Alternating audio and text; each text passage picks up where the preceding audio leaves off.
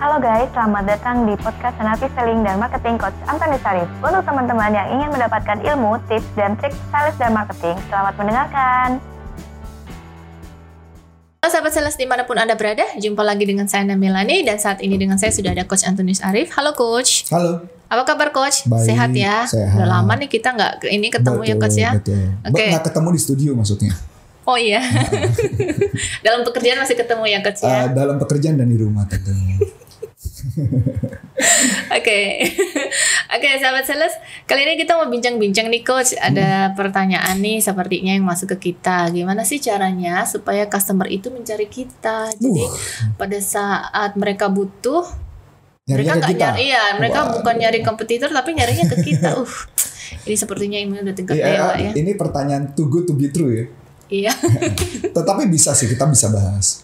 Kita bisa Oke, bahas. Yang pertama, kalau buat saya se- per- pertama sebelum kita ngomong seperti itu, Mm-hmm. pertama kita tentukan dulu eh, produk kita atau jasa kita. Kenapa Mm-hmm. sih customer itu perlu produk kita atau jasa kita? Mm-mm. yang di mana kompetitor nggak punya, yang alias yang namanya diferensiasi Hmm. kalau kita bicara tentang marketing, Oke. diferensiasi atau unique selling proposition. Mm-mm.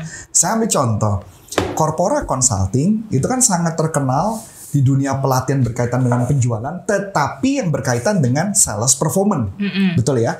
Jadi kalau ada perusahaan yang membutuhkan peningkatan penjualan karena perusahaannya omsetnya tidak bagus, maka mereka akan hubungi kita. Betul nggak? Iya. Sedangkan untuk pelatihan-pelatihan yang lain pasti hubungin bukan kita. Iya. Ya berarti clear ya. Jadi saya kita corporate consulting mempunyai unique selling proposition adalah mengenai sales performance. Iya. Masuk akal?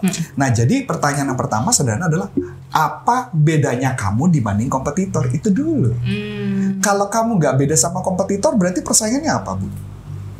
Ujung-ujungnya kan harga. Iya. Betul nggak? Nah, kalau kita berbeda, maka otomatis harga tidak akan menjadi isu. Mm-mm. Betul?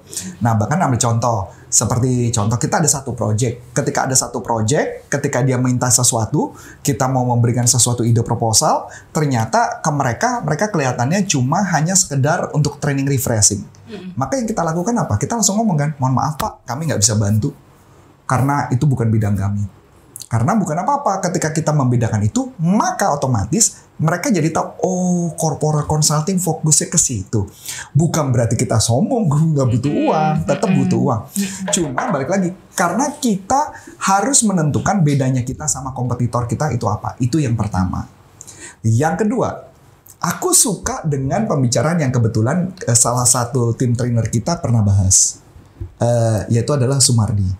Sumardi pernah mengatakan gini, apa kelebihan kamu? Dan kelebihan kamu perlu diinformasikan kepada customer. Kalau nggak diinformasikan ke customer, artinya bukan kelebihan. Masuk akal dong? Iya. Misal contoh, kelebihan kami adalah berkaitan dengan selling performance. Tetapi kita nggak pernah ngasih tahu orang-orang kelebihan kita. Terus customer tahu dari mana? Hmm. nggak tahu dari mana-mana dong. Jadi oleh sebab itu sebuah kelebihan atau nilai-nilai yang paling penting yang di mana dimiliki perusahaan harus diinformasikan kepada seluruh orang. Kenapa kita berbeda? Nah jadi pertanyaan menarik adalah di mana cara menyebarkannya? Berarti di seluruh media sosial yang di mana customer kita berada, bu. Hmm. Contoh, customer kita berada di mana? Ada di LinkedIn, ya udah kita promosi di sana. Jadi kita akan menginformasi kepada orang banyak bahwa apa yang membedakan kita daripada orang lain. Itu yang terus, terus dan terus kita gaungkan. Karena ketika sudah digaungkan, harga tidak akan menjadi sebuah masalah. Masuk akal? Iya. Kalau kita sama, harga otomatis sama. Mm-mm. Nah, itu yang kedua. Nah, jadi pertanyaan menarik itu baru dua nih. Nah, yang ketiga, nah kebetulan kan tadi kita udah sempat diskusi sebelum kita mulai ya. Bu Ana sempat membicarakan juga tentang eh, Pak Sumardi kan. Iya. Sumardi itu kan sebenarnya dia adalah salah satu penulis di majalah SWA Mm-mm. dan dia memang jago banget di marketing. Bukan di selling ya, di marketing, Marketing, karena ya. bidangnya beda, Beda. gitu ya. Nah, apa yang Bu Ana dapetin dari Sumardi kemarin? Sempat Ibu denger-denger stalking kan? Mm-mm. Nah, apa yang Ibu dapat? Iya menarik sih Coach Arif. Hmm. Uh, uh, jadi di situ dibahas kalau uh, kita sudah masuk ke area. Jadi uh, beliau bilang itu ada tiga. Kalau saya bilang mirip lampu merah ya, Ya, merah, boleh. kuning, hijau Hmm, gitu ya. hmm. Jadi lampu merah tuh artinya customer-customer itu uh, pernah pakai kita Hmm. dan kita mungkin eh, entah mungkin produk kita yang nggak bagus atau Hmm. mungkin service kita yang kurang kurang memuaskan mereka akhirnya mereka itu jadi jadi pembicaraan di mereka ah saya nggak mau lagi ya beli di situ Hmm. gitu kan ah di situ lama ininya apa pengirimannya gitu kan atau misalnya kalau dia ada komplain tentang produk lama responnya Hmm. gitu kan Hmm. Uh, berbelit-belit pula. Nah itu jadi ki- eh, golongan itu kita dikategorikan itu mereka uh, range-nya di antara 0 sampai 6. Hmm. Jadi kasih melakukan evaluasi ya. Jadi Ya. kalau kita melakukan evaluasi kepada mereka, Iya. terus kemudian mereka menilai kita kurang bagus dari 0 sampai 6, berarti dikategorikannya adalah Uh, mereka itu uh, istilahnya detektor ya. Ah, Gitu. Jadi istilahnya mereka tuh orang-orang yang tidak puas lah dengan kita. detektor ya, di, di, di, detektor ya, Iya, detektor ah. ya oke. Jadi mereka tidak puas dengan kita. Nah kemudian ada lagi kategori customer kita yang uh, area lampu kuning nih. Ya, berarti skornya angka Angka uh, 7 sampai 8. 7 sampai 8. Berarti Ah. orang customer yang sudah beli sama kita, Ah, kita lakukan survei. Survei, mereka Kalau dia ngasih lah, angkanya so-so. 7 atau 8, itu berarti artinya Artinya eh, sosok gitu, Pak So-so. Coach Arif. Jadi oke dengan produk kita oke, dengan servis kita oke, namun mereka itu masih bisa masih bisa digoyang. Istilah masih bisa berubah pikiran nih kalau ada kompetitor kita nih yang Dia produk-produk sama nah, Yes. punya produk sama tapi dia mem- memberikan servis yang lebih. Betul. Bisa aja dia pindah. exactly, exactly. Seperti itu.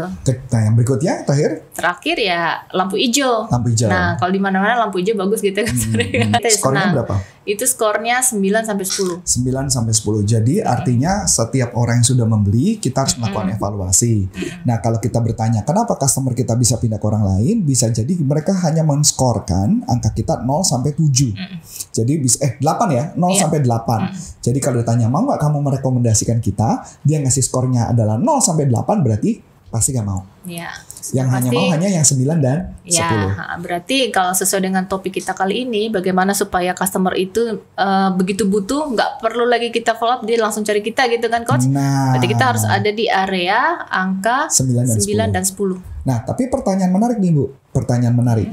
Bagaimana kalau kita bicara mengenai eh, beda kan kalau perusahaannya itu anggaplah kayak PLN, Ya, ya perusahaan listrik negara. Perusahaan listrik negara adalah perusahaan satu-satunya di Indonesia yang tidak ada perusahaan listrik lain, betul ya Bu? An? ya betul. Nah, kalau mereka adalah perusahaan satu-satunya,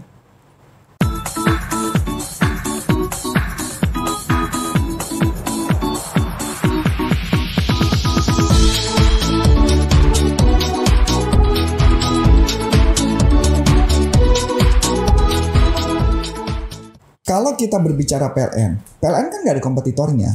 Berarti mau dia bagus, mau dia jelek, orang pakai punya dia, betul ya Bu? Iya. Begitu juga telepon rumah. Dulu kan hanya di only one adalah Telkom. Telkomsel. eh. Telkom, bukan Telkom, Telkomsel. iya, Telkom. Telkom, maka otomatis nggak ada kompetitor. Tapi berbeda sekarang, sudah sejak ada VoIP, sudah ada eh, telepon mobile. Seperti contoh, dulu kita punya telepon rumah, sekarang telepon rumah kita nggak ada. Karena kita pakai handphone semua, karena pulsa makin murah. Dan apalagi kalau pakai VoIP, ya voice over internet protokol pasti akan lebih murah lagi. Iya. Jadi pertanyaan mana kompetitornya Telkom adalah secara nggak langsung adalah VoIP itu. Nah jadi pertanyaan menarik nih Bu Ana. Ketika perusahaan sudah ada kompetitor, maka angka 0 sampai 8 itu akan sangat berpengaruh. Jadi balik lagi ke teman-teman kalau bagaimana mau jualannya biar bisa laku dicari-cari orang yaitu tadi. Promosi seluas-luasnya biarkan mereka menikmati kita. Setelah menikmati berikan mereka perasaan excellent yang luar biasa sehingga mereka akan mau merekomendasikan kita kepada orang lain. Nah ini adalah bagian yang sangat penting yang membuat eh, apa bisnis menjadi bagus. Kalau nggak salah kemarin juga saya terinspirasi ya Pak Sumardi sempat ngomong mengenai 4P Mm-mm. ya supaya produk bisa laku ya Ya, katanya. produk. Yang pertama adalah rumus 4P Hmm. Philip Kotler. Yang pertama produk, yang kedua price, Price. yang ketiga adalah Place. place, yang keempat adalah promotion. Promotion. Nah, dia mengatakan, jadi kalau orang mengatakan melakukan promosi dulu itu salah. Karena yang paling benar adalah menggunakan 4P berdasarkan urutan. Jadi yang pertama perhatikan dulu jangan-jangan produknya benar atau enggak. Kalau produknya nggak benar wajar dong kalau orang nggak beli. Satu produknya unik atau enggak, beda apa enggak. Kedua adalah baru ngomong komponen harga. Baru yang ketiga adalah penempatan distribusi. Yang keempat baru adalah promosi. Sedangkan banyak kan orang-orang jualan adalah fokusnya langsung Promosi. promosi. Nah, jadi mungkin itu sih topik yang bisa kita sharing nih hari ini. Mm-mm. Oke, jadi kalau mau dicari-cari dengan eh, customer Anda, eh, bolehlah kita sudah mulai melihat eh, 4P dulu tadi ya Coach Arif ya. Eh, 4P produknya Mm-mm, tersebut, Produknya dulu. terus apa uniknya? Mm-mm. dari produknya dulu, apa uniknya, kemudian komponen harga, kemudian kita melakukan distribusi, kemudian tentukan juga distribusi itu juga termasuk penyebaran informasi media sosial bu, media sosial dan baru kita ngomong terakhir adalah bagaimana memproses kampanyenya. Oke, kalau servisnya sendiri masuk di mana Coach? Nah, kalau servisnya sendiri masuk di mana? Servis itu masih bisa bagian dari dari dari produk itu ya bisa bu. Hmm, oke, berarti nomor satu dia. Bisa di produknya, bisa juga di eh, ya bisa di produk dan distribusi sih. Balik lagi karena sepanjang perjalanan eh, setiap orang ketemu pasti ada pembicaraan sih. Pasti ujung-ujungnya servis bisa bagian. Tapi ada orang juga yang mengatakan eh, apa servis itu juga bagian lain dari 4P-nya itu bisa juga. Jadi semua tergantung dari sudut pandang orang-orang masing-masing. Ya. Tapi intinya adalah buat kita apa uniknya, nilainya kita apa, dipromosikan apa enggak, diinformasikan enggak bedanya kita apa. Kalau nggak ada beda buat apa? Hmm, Ujung-ujungnya price war. Tidak ada lagi. Oke, oke.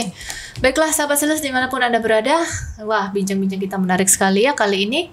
Oke, eh, waktunya udah nggak kerasa. Nanti kalau ada pertanyaan dari sahabat sales seputar topik kita kali ini, boleh langsung ke eh, channel YouTube kami gitu ya di bawah ini. Nah nanti eh, kalau ada pertanyaan, boleh nanti ya ada waktu kita eh, bacakan seperti itu.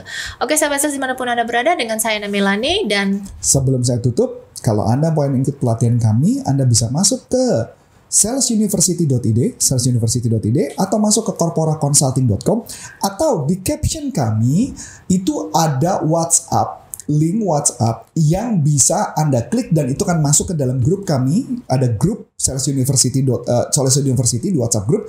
Nanti di sana Anda bisa ngobrol sedikit tentang ngobrol beberapa hal dan juga bisa dapat informasi-informasi dari kami. Saya Coach Antonio Sarif dan saya dengan Ana Melani. mengucap banyak terima kasih sukses buat Anda sampai jumpa salam performa bye bye Nah, untuk teman-teman yang sudah menerangkan, terima kasih ya dan nantikan podcast selanjutnya.